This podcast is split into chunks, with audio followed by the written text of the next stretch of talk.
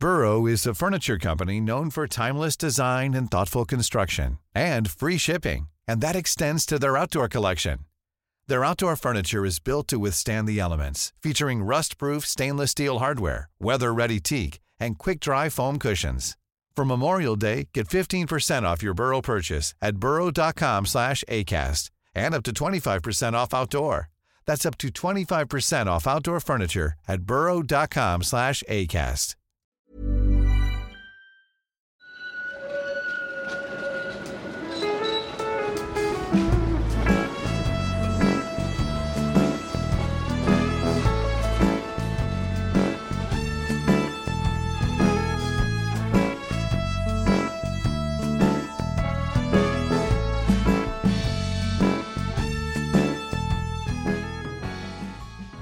Hej och välkomna till Gator och torg i Göteborg. En eh, podcast om platser i Göteborg. Eh, Jag heter eh, fortfarande Daniel Karlenfors och som vanligt så har jag med mig Mattias, experten Axelsson som jag gillar att kalla honom. Men utöver det så är ju du gymnasielärare och självutnämnd Göteborgskännare från Borås. Ja, det är så jag brukar titulera mig. Hej Daniel.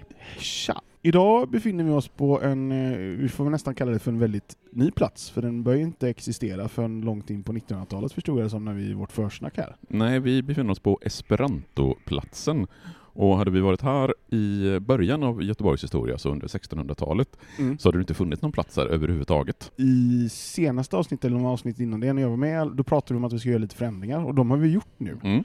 Och vad hände? Ja, vi har fått betydligt fler patrons, vilket är väldigt roligt. Ja. Eh, Vi har fått en explosion, skulle man nästan kunna säga, på vi, våren. för, i, I vårat perspektiv i alla fall.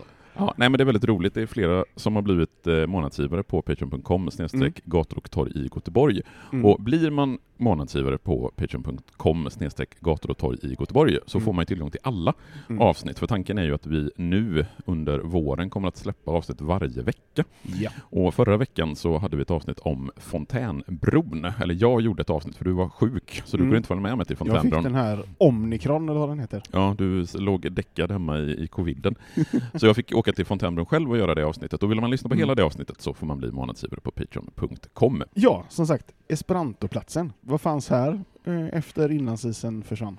Ja, du brukar ju gilla att gå långt tillbaka i historien, men den här gången ska vi inte heller gå tillbaka till stenålder, bronsålder eller järnålder, utan vi måste faktiskt börja någonstans på 1600-talet. För om man står här på Esperantoplatsen idag så kan du ju faktiskt se lämningar från nästintill alla århundraden som Göteborg har funnits. Oj! För vi har ju dels 1600-talets murar eh, och delar av det byggs ju också på 1700-talet. Sen har vi den byggnaden som vi sitter i. Vi sitter nämligen i språkcaféet som ligger Mm. där på Esperantoplatsen. Och det här är ju en gammal industrilokal från 1800-talet. Och tittar man tvärs över Esperantoplatsen så finns det ju byggnader från 1900-talet. Och utformningen av platsen så som den ser ut idag, den har vi faktiskt från 2000-talet. Det är ju inte förrän 2008 som platsen får den utformning som den har idag.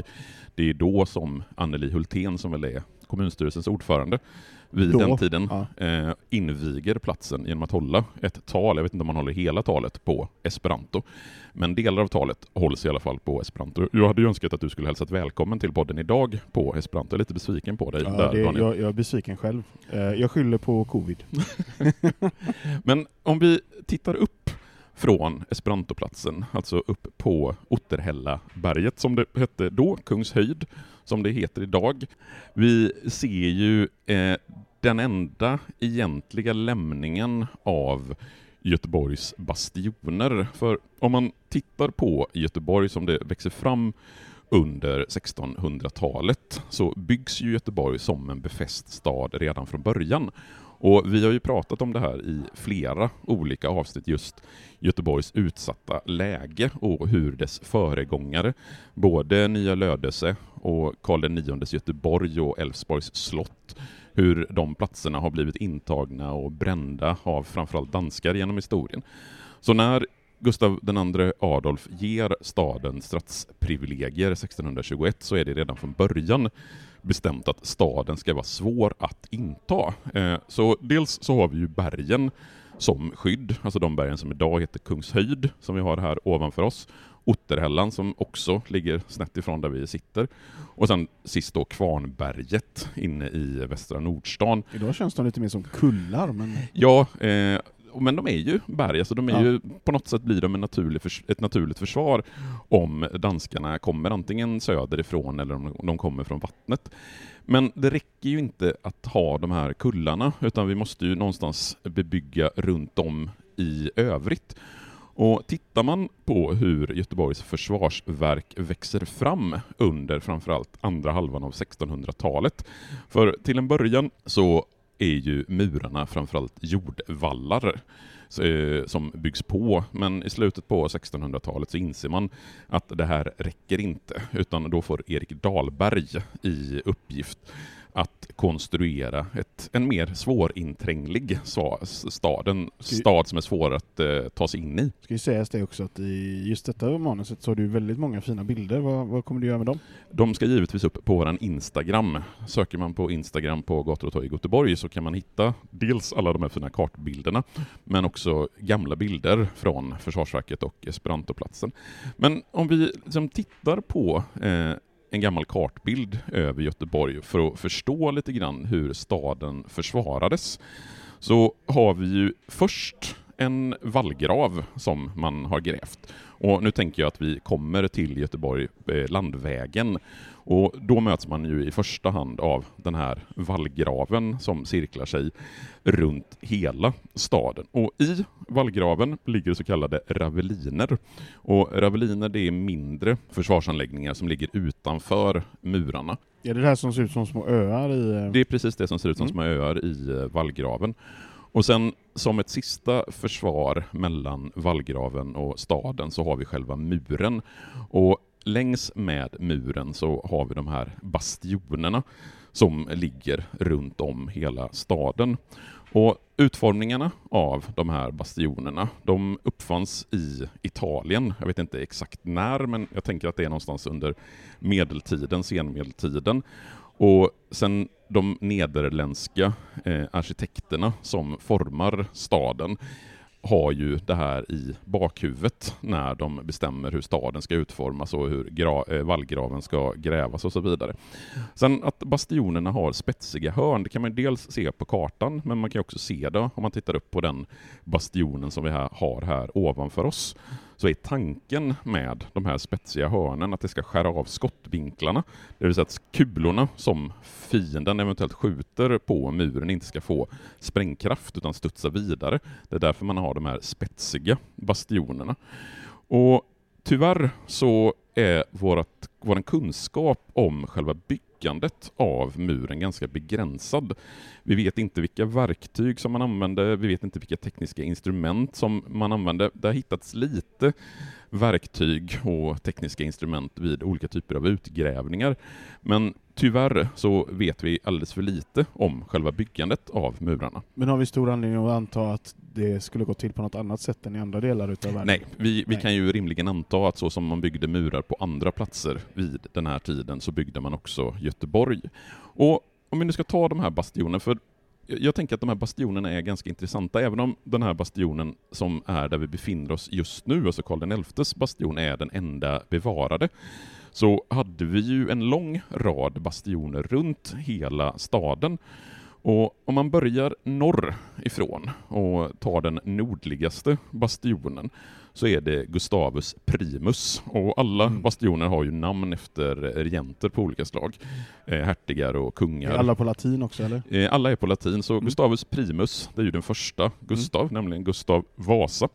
Och den bastionen, den låg ungefär där Nordstans parkeringshus ligger idag. Eh, Fortsätter vi sedan söderut ifrån den första bastionen så kommer vi till centralstationen och Drottningtorget. Där har vi en bastion som heter Johannes, Johannes Rex, som är då efter eh, kung Johan den tredje. Och sen har vi Carolus Rex efter Karl den nionde som eh, ligger ungefär där Palm, eller mittemot Palmhuset i Trädgårdsföreningen. Så Mm. då är vi ju någonstans i, mitt emot trädgårdsföreningen, så vi har kommit ytterligare något söderut i vallgraven. För du ska ju tänka att den här muren följer ju i princip vallgraven hela vägen tills Mm. vi kommer hit till Pustervik, för där gör den en lite, för där har vi en så kallad nydragen kanal. Vid Bastionplatsen, som ju också är eh, i eh, närheten, eller mitt emot trädgårdsföreningen, så ligger Gustavus Magnus, som då har fått sitt namn efter Gustav den andre Adolf. Och Bastionplatsen, det är ju namnet på den platsen har ju givetvis kommit eftersom det låg en bastion Men där. Magnus, vad betyder det? Store, eh, store, Magnum, stor, Yes. alltså Gustav den störste, Gustav den andre Adolf är den store Gustav. Jag förstår. Sen har vi Johannes Dux som låg vid nuvarande Kungstorget och det är då hertig Johan, Johan den tredjes son, som har fått ge namn till den bastionen. Eh, därefter kommer Carolus Dux som är hertig Carl Philip som låg ungefär där Sociala huset ligger idag, alltså nuvarande pedagogen. Sen har vi Kristina Regina, alltså drottning Kristinas bastion, som ligger söder om eh, Kungshöjdsgatan. Och sen har vi ytterligare några bastioner som ligger nästan där vi sitter just nu. Hade vi stå, stått här i slutet av 1600-talet så hade vi sett regeringen, Hållgårdsbastionen och Badhusbastionen. Eh, för de är de bastioner som då vetter västerut, så hade du kommit ifrån Majorna via Allmänna vägen och tagit dig till Göteborg så Men är de du... byggda vid någon, eller de har ju inte de här kungliga namnen. Ja, Kristina är ju... Ja, men nej, du menar de badhus bad och ja. Man, man fick väl slut på kungliga namn helt enkelt. Det kanske var det. Nej, Kanske. jag, jag vet faktiskt inte varför de inte har eh, kungliga namn. Men hade du kommit från eh, Majorna, eh, alltså bortifrån Klippan, bortifrån hamnen till Göteborg i slutet på 1600-talet och försökt ta dig in till Göteborg den här vägen, så hade du ju först varit tvungen att passera vallgraven och gått förbi den yttre muren in innanför muren. Och innanför muren, då hade du sett det här som vi kallar för Otterhällaverken. För de tre bastioner där eh, Carolus Rex eh, ligger, eh, det är ju de bastionerna som vi har här precis ovanför oss. Det är alltså tre bastioner som låg på insidan av det yttre försvarsverket. Ibland tänker man ju sig när man står här på Esperantoplatsen och tittar upp på den här bevarade bastionen att det här var en del av liksom den yttre muren. Det var det inte, utan den yttre muren låg ju utanför. Och Karl den elftes bastion, den vi kan se här uppe, den ligger alltså, det är en del av det inre försvarsverket. Alltså en del av Otterhällaverket tillsammans med Kristina Regina och Carolus Gustavus Rex, som är då efter Karl den tionde Gustav. För vi har ju jaktslottet här också. Ja, drottning. Kristinas jaktslott ligger ju om man går Kungsgatan upp. Och det är ju en av de äldsta byggnaderna som vi har bevarat i Göteborg. Det är När, när byggdes den då? Lite osäker på Mm. det, så jag ska inte säga, för då blir jag slagen på fingrarna. På, Så på ni den. som vet får gärna skriva på Instagram eller Ja, liknande. jag kan lägga upp en bild på drottning, drottning Kristinas jaktslott. Men det som är intressant här med Försvarsverket, det är ju att det är så pass bra att Göteborg aldrig har blivit intaget. Göteborg har aldrig blivit ockuperat, utan Försvarsverket i form av vallgraven, murarna, bastionerna, ravelinerna har hållit danskarna stången. Eh, ingen främmande makt har intagit Göteborg efter att Göteborg byggs 1600, med början 1621. Men Nya Älvsborg, när byggs det? Är det samtidigt? Ja, alltså Nya Älvsborg tillsammans med Skansen Lejonet och Skansen Kronan kan man ju säga är en del av Göteborgs yttre försvarsverk. Att man bygger Skansen Lejonet, man bygger Skansen Kronan och man bygger Nya Älvsborgs fästning som en del i det här försvarandet. Så det, det är givetvis så att det är inte bara murarna och vallgraven utan det är även det att man bygger skansarna och att Mm. man bygger Nya Älvsborgs fästning som ett skydd i den yttre hamnen. Det hindrar ju också danskarna från att ta sig in och belägra staden. Och just de här bitarna nu när vi pratar 1600-tal och det nya Göteborg, det har ju lite blivit eh, en följetong. Så nya Älvsborg lär ju garanterat också bli ett avsnitt. Ja, i och med att vi har pratat om gamla Älvsborg så måste vi någon gång ta oss ut till Kyrkogårdsholmen och göra ett avsnitt även om nya Älvsborg, för där kan man ju också se de här bastionerna, hur eh, de har var- en del av även det försvarsverket ute på nya Man Älvsborg. kanske skulle bjuda in alla våra patreons till eh, och hänga. Ja, det skulle kunna vara en kul Och grej i så- i sommar och göra en specialavsnitt där utifrån. Ja, det får vi så- fundera på. Ja, verkligen. Och nu går vi till reklam för er som då inte är Patreons. Vill man slippa det så blir man Patreon och det gör oss väldigt glada. Återkommer strax. There's never been a faster or easier way to start your weight loss journey than with PlushCare. PlushCare accepts most insurance plans and gives you online access to board-certified physicians who can prescribe FDA-approved weight loss medications like Wigovi and Zepbound for those who qualify. Take charge of your health and speak with a board-certified physician about a weight loss plan that's right for you. Get started today at plushcare.com slash weight loss. That's plushcare.com slash weight loss. plushcare.com slash weight loss. I'm Sandra, and I'm just the professional your small business was looking for. But you didn't hire me because you didn't use LinkedIn jobs. LinkedIn has professionals you can't find anywhere else, including those who aren't actively looking for a new job but might be open to the perfect role, like me. In a given month, over 70% of LinkedIn users don't visit other leading job sites. So if you're not looking on LinkedIn, you'll miss out on great candidates like Sandra. Start hiring professionals like a professional. Post your free job on linkedin.com/people slash people today. Ja, ehm, och som vanligt, utan någon underlig anledning, så går ju vi lite kronologiskt i den här historieberättelsen. Så vi har kommit fram nu till början på 1800-talet kan vi säga. Och då händer det någonting med murarna och försvarsverken. Ja, i början på 1800-talet så bestämmer man att det är dags att ta bort den här sammanlagt tre kilometer långa befästningsmuren, att den har tjänat ut sitt syfte och det är dags att riva muren. Och då visste man ju inte det som vi vet idag, att det sista kriget, eller det senaste kriget som Sverige var indraget i, det är 1814. Så när man börjar riva försvarsanläggningen, när man tar ner murarna, så är det ju i en tid som börjar någonstans den här flera hundra långa år perioden av svensk fred. Så man ligger ju helt rätt i tiden när man river försvarsanläggningen, men det kunde man ju faktiskt inte veta där och då. Det man ska komma ihåg det är ju att när vi kommer in här i början på 1800-talet så har ju Göteborgs murar och Göteborgs befästningar stått och förfallit. Att, eh, och dessutom har ju kriget och hur man för krig förändrats, kanske inte riktigt lika mycket som det kommer göra sen under 1900-talet. Men man ska komma ihåg att försvaret av Göteborg är byggt för hur arméer fungerar i slutet på 1600-talet. Mm. Och då blir den inte lika aktuell under början på 1800-talet. Så då, jag tror att det är så att man får egentligen välja två vägar här. Att antingen så rustar man upp Göteborg ordentligt och Mm. gör liksom en helt ny befästning, eller så river man den.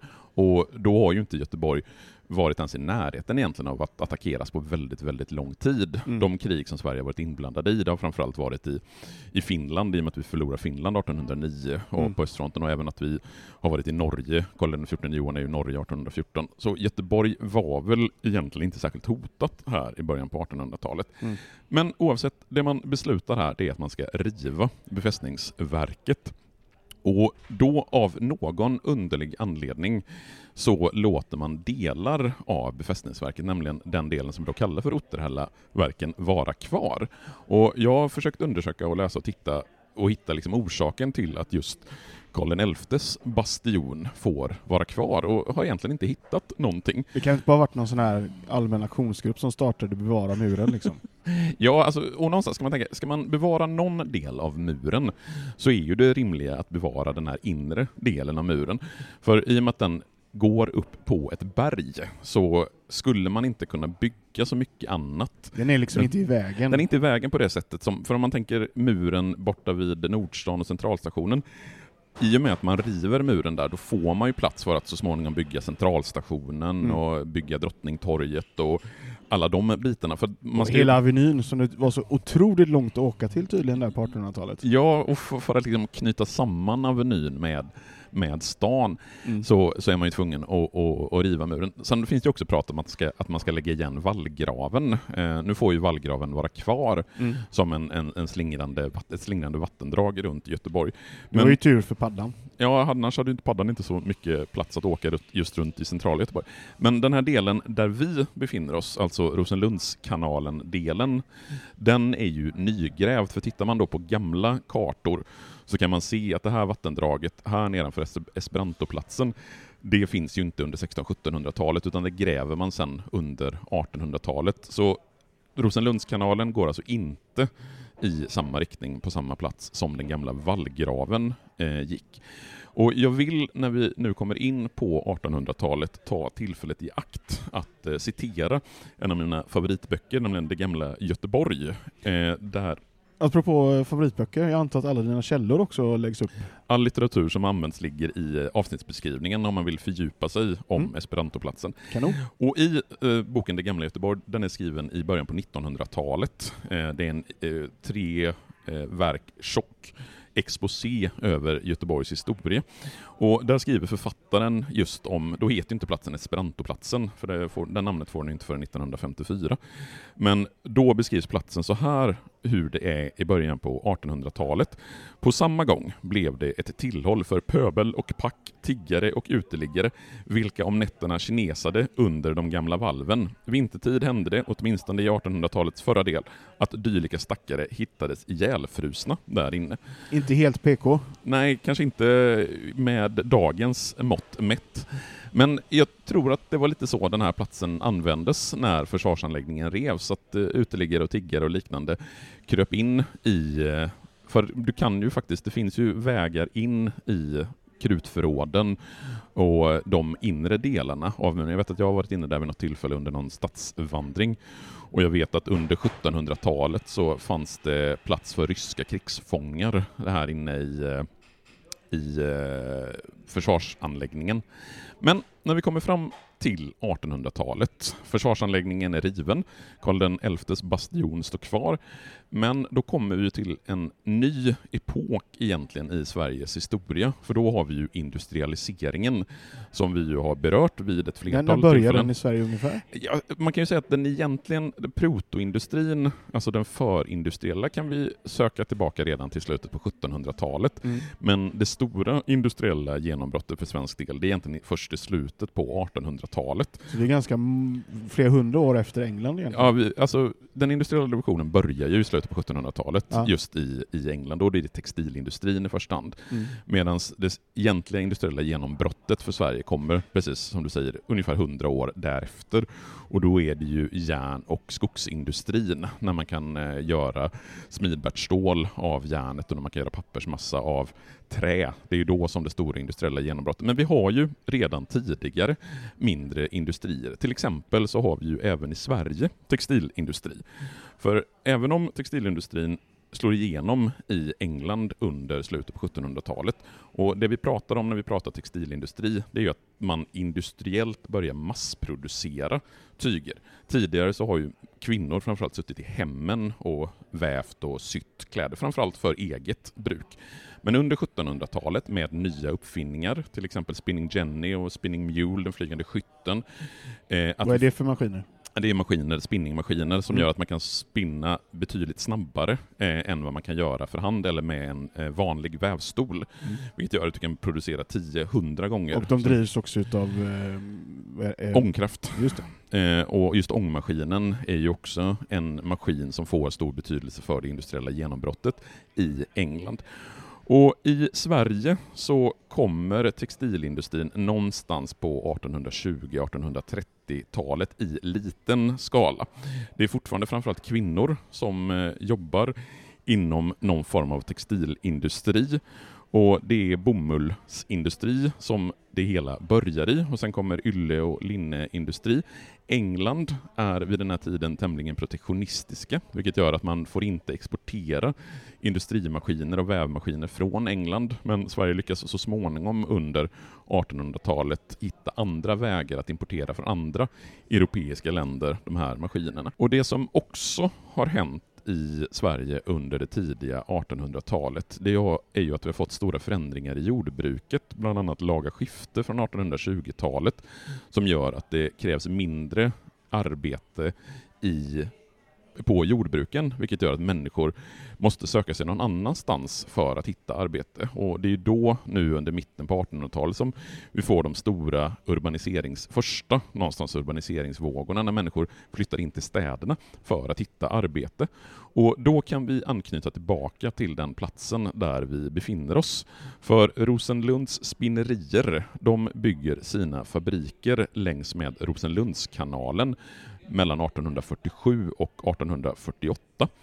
Och man anlägger också ett väveri och det väveriet ska senare växa sig så pass stort att det blir en av Göteborgs stads största arbetsgivare. Och då ska man tänka sig att Rosenlunds spinnerier ligger längs med Rosenlundskanalen. De här byggnaderna kan vi inte se några spår av idag. De är helt rivna och ersatta av 1900-talsbyggnader.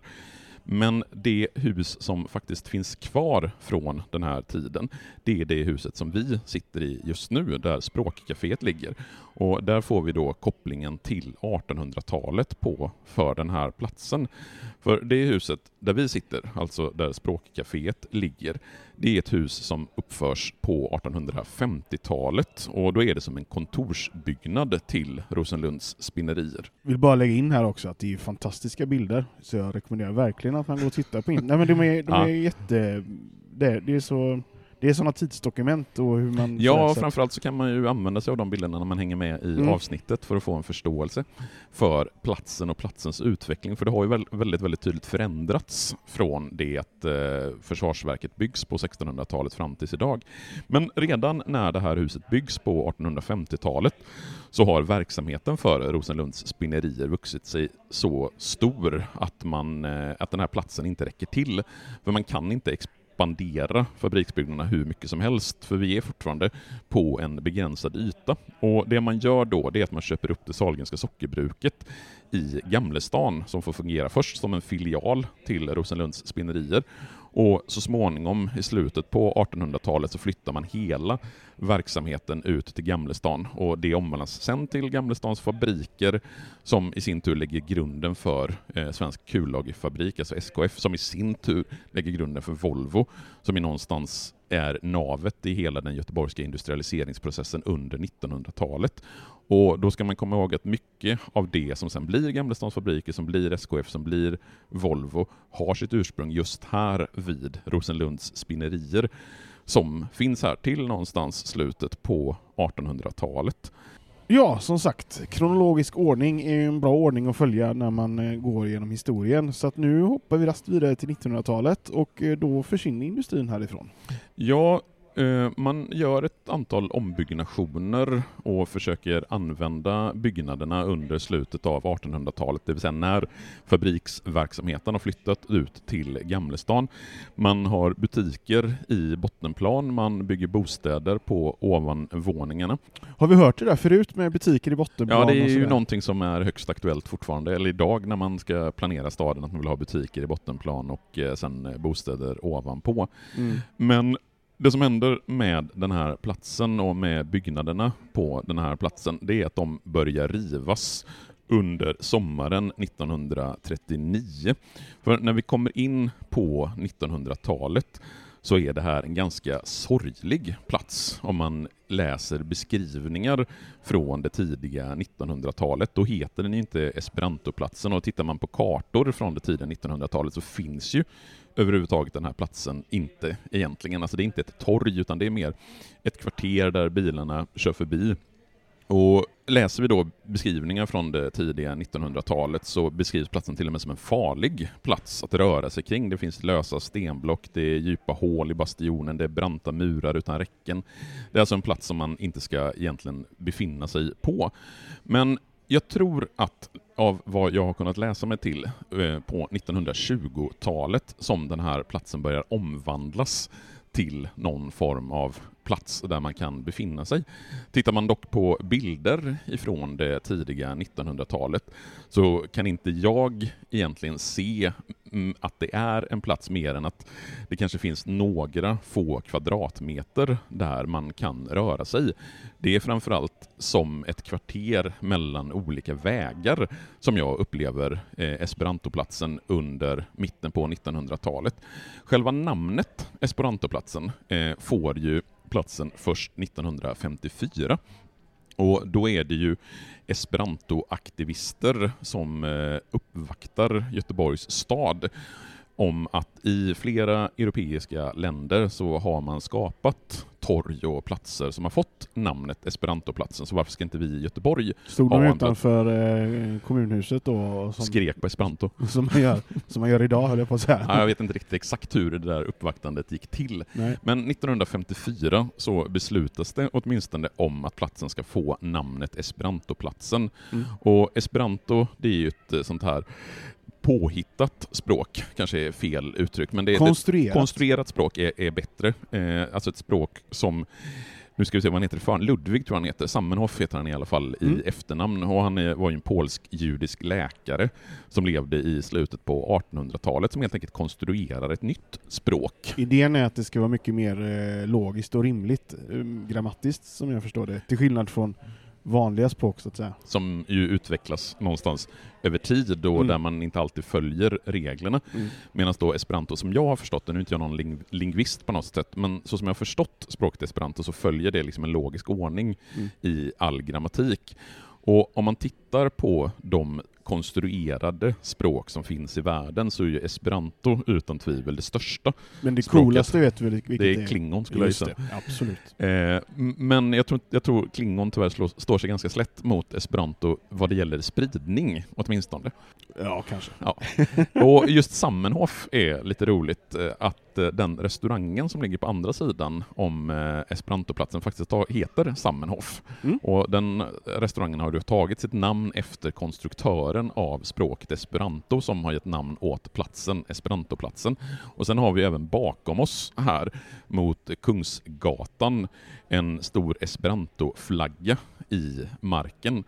Och det är ju först, tror jag, 2008 när man inviger den här platsen på nytt som den här esperantoflaggan kommer ner i marken. För även efter att platsen får sitt namn 1954 så är det en ganska undanskymd plats under det fortsatta 1900-talet. Det är en plats som ligger liksom så här lite mittemellan. Man tar sig inte till Esperantoplatsen om man inte har ett ärende förbi. För om man tittar som sagt på fotografier från det sena 1900-talet på Esperantoplatsen, från till exempel 70 och 80-talet, så ser man ju att det framförallt är biltrafik som passerar kring det här huset som vi sitter i, som då har anor tillbaka till 1800-talet. Sen i och med att Språkcaféet öppnar under det tidiga 00-talet, jag tror att det kan vara 2003 som Språkcaféet öppnar, och med den här nyinvigningen av platsen 2008 så får ju Esperantoplatsen lite grann ett nytt liv. För nu så är ju biltrafiken utanför språkcaféet borttaget, vilket gör att Esperantoplatsen mer får karaktären av ett torg, en plats där man kan röra sig utan att bli riskera att bli påkörd av en bil. Sen har vi ju även, nu ska vi se på vilket väderstreck blir det, norr-nordost om det här huset så har man ju lagt i den här Esperanto-flaggan och byggt lite olika typer av sittanordningar, vilket ju givetvis fick till följd att eh, skateboardåkare eh, under perioden direkt efter att Esperantoplatsen fick sin nyinvigning 2008 började nyttja platsen till grannarnas stora förtret. Så Det blev lite återgång till den här pöben. om, om, om, man om man så vill kalla det så kan man ju göra det. Men jag vet att det blev en hel del konflikter mellan skateboardåkare och boende Mm. kring hur platsen används. Och det är ju någonstans det klass, klassiska med just offentliga platser i stadsmiljön. Vem har rätt att använda platsen? Är den till för Och de boende? ja, för- precis. Och hur mycket kan man störa de som, Mm. som bor på platsen? Så från 2008 så har platsen i princip haft det utseendet som det har idag. Sen får vi ju ytterligare en förändring som kanske inte påverkar Esperantoplatsen så mycket, mer än kanske Esperantoplatsens plats i det offentliga rummet i och med att vi får spårvagn från Järntorget till Stenpiren. För det är ju en del av det här projekt Skeppsbron som en, är en del i hela den här stadsomvandlingen som ska ske i Göteborg under 10 och 20-talet. Men du nämner det att det har varit en liten undangömd plats. Min upplevelse är väl att den fortfarande lite är det. Och, och även om du nu har en spårvagn, men den går ju bara förbi. Den Ja. stannar ju inte här. Nej, för jag noterade det när jag skulle ta mig hit från, från Frölunda, att det finns ju ingen hållplats vid Nej. Esperantoplatsen. Utan då får man antingen gå av vid Järntorget och Mm. promenera, det är inte jättelångt från Järntorget, ska Nej. i och för sig ärligt sägas. Men det, men det blir väldigt långt ändå eh, Mentalt, mentalt. mentalt så blir det ju det att man, man, man åker till Järntorget, man åker inte till Esperantoplatsen, eller man åker Mm. till Stenpiren så får man Mm. promenera från Stenpiren, det blir ytterligare en liten bit att gå. Men, men just det här att det saknar en naturlig kollektivtrafikhållplats vid Esperantoplatsen, Du skulle också kunna gå av i domkyrkan och gå igenom. ja då får du pro- promenera längs med Kungsgatan Mm. och så kommer du ner vid Esperantoplatsen där Kungsporten en gång låg. Alltså en Men den de ligger liksom verkligen fortfarande sådär mitt emellan saker. Eh, Ja, eh, det är väl- väldigt tydligt så när man, när man tittar på en karta och funderar på Esperantoplatsen. Nu ska man ju säga att framförallt på sommaren så får ju platsen ändå en hel del liv Mm. i och med att vi har uteserveringarna, dels här på Språkcaféet och dels på restaurang Sammenhof som ligger tvärs Mm. över. Det gör ju att Esperantoplatsen, i och med att biltrafiken togs bort där gissningsvis 2008 när man omskapar platsen och nyinviger den, gör ju att eh, platsen får ett litet annat, en liten liksom annan funktion i stadsrummet än vad det har varit tidigare. Men du har ju definitivt en poäng i att Esperantoplatsen är en lite grann bortglömd, undanskymd plats i det offentliga rummet. Ja, och nu har vi ju kommit fram då till egentligen nutid. Vi har pratat lite om, om eh, hur du ändå ser på platsen. Eh, finns det någonting mer att säga? Man skulle säkert kunna säga mycket mer och framförallt så skulle man kunna visa mycket fler bilder för eh, det finns jättemycket fina fotografier och kartor men jag tänker att de lägger vi upp på Instagram. Alltså ändå en väldokumenterad plats som finns mitt emellan. Sådär, så det... Ja, och det intressanta när man, just när man tittar på de här bilderna, framförallt på 1900-talet, så tycker jag att man slås just av hur det är en plats som ligger liksom mellan olika bilvägar. Och jag tänker man lite grann faktiskt skulle kunna dra en parallell till Järntorget, Mhm. så som Järntorget var innan man eh, skar av biltrafiken. Mm. Jag tror att det är, kan det vara 1999, 2000 någonstans där, som man eh, gör att biltrafiken inte kan köra runt Järntorget. För fram till slutet på 1900-talet, då gick ju vägen, alltså utanför där Burger King och Precis. eh, Dubliners och Kunde det... man köra in i Haga den vägen? Ja, Ja, precis. Du kan köra och det in i- kan du inte längre. Nej, och det gör ju att Järntorget blir en plats som du kan röra dig på på ett annat sätt. Mm. På samma sätt så har Esperantoplatsen blivit en plats du kan röra dig på när du har tagit bort biltrafiken. Mm. För hade biltrafiken gått här utanför fram och tillbaka så hade du inte kunnat ha uteserveringen till Språkcaféet på det sättet. Du hade inte kunnat ha uteserveringen till Sammenhof på det platset och framförallt hade du inte kunnat röra dig Det på Esperantoplatsen på mycket, det mycket sättet. mindre inbjudande plats. För jag, jag tycker ändå det, framförallt på sommaren som du säger, när jag är här, det är ju en trevlig Mm. plats att vara på. Man är bara inte på den. Nej. Nej, för den, den ligger som lite undanskymd Ja. mellan olika kollektivtrafikhållplatser. Ja, men med det så tror jag vi är färdiga. Eh, men vi kan väl ändå säga just- just det, kom gärna hit. Jag går gärna till Esperantoplatsen, ta en fika här på Språkcaféet, Mm. Eh, ät eh, en lunch på Sammenhof, om de nu har lunch, det vet jag inte. Men, Fan, vi eh, borde blivit sponsrade. precis. Vi, frå- vi frågar dem på Språkcaféet om de kan sponsra oss i det här avsnittet nu när vi gör reklam för dem. Ja. Nej, men kom, gå gärna till Esperantoplatsen, lyssna gärna på det här avsnittet när ni är på Esperantoplatsen, gå runt och titta på de olika delarna. Det. För det är just slående hur du kan se res- rester från 1600-talets, Är 1800-talets, det det som är 1900-talets USPen nästan? med platsen. Ja, att du har Ja. eh, allt från... Du har, Början till du har slut Göteborgs historia i ett koncentrat på Ja. Esperantoplatsen. Så Ja. kan vi gå ut i det här avsnittet. Lite som jag. riktigt god jordgubbssaft. Mm. Bli Patreons, gå in på in- Instagram så hörs vi igen om en vecka. Ha det gött! Hej! Hej!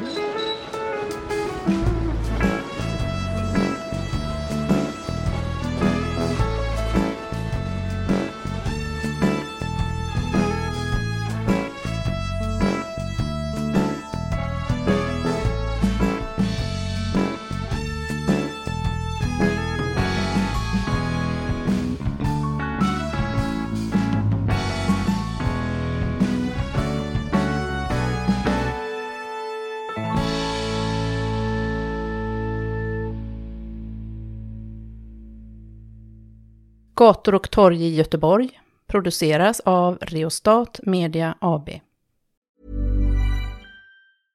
Cool fact a crocodile can't stick out its tongue. Also, you can get health insurance for a month or just under a year in some states. United Healthcare short term insurance plans, underwritten by Golden Rule Insurance Company, offer flexible, budget friendly coverage for you. Learn more at uh1.com.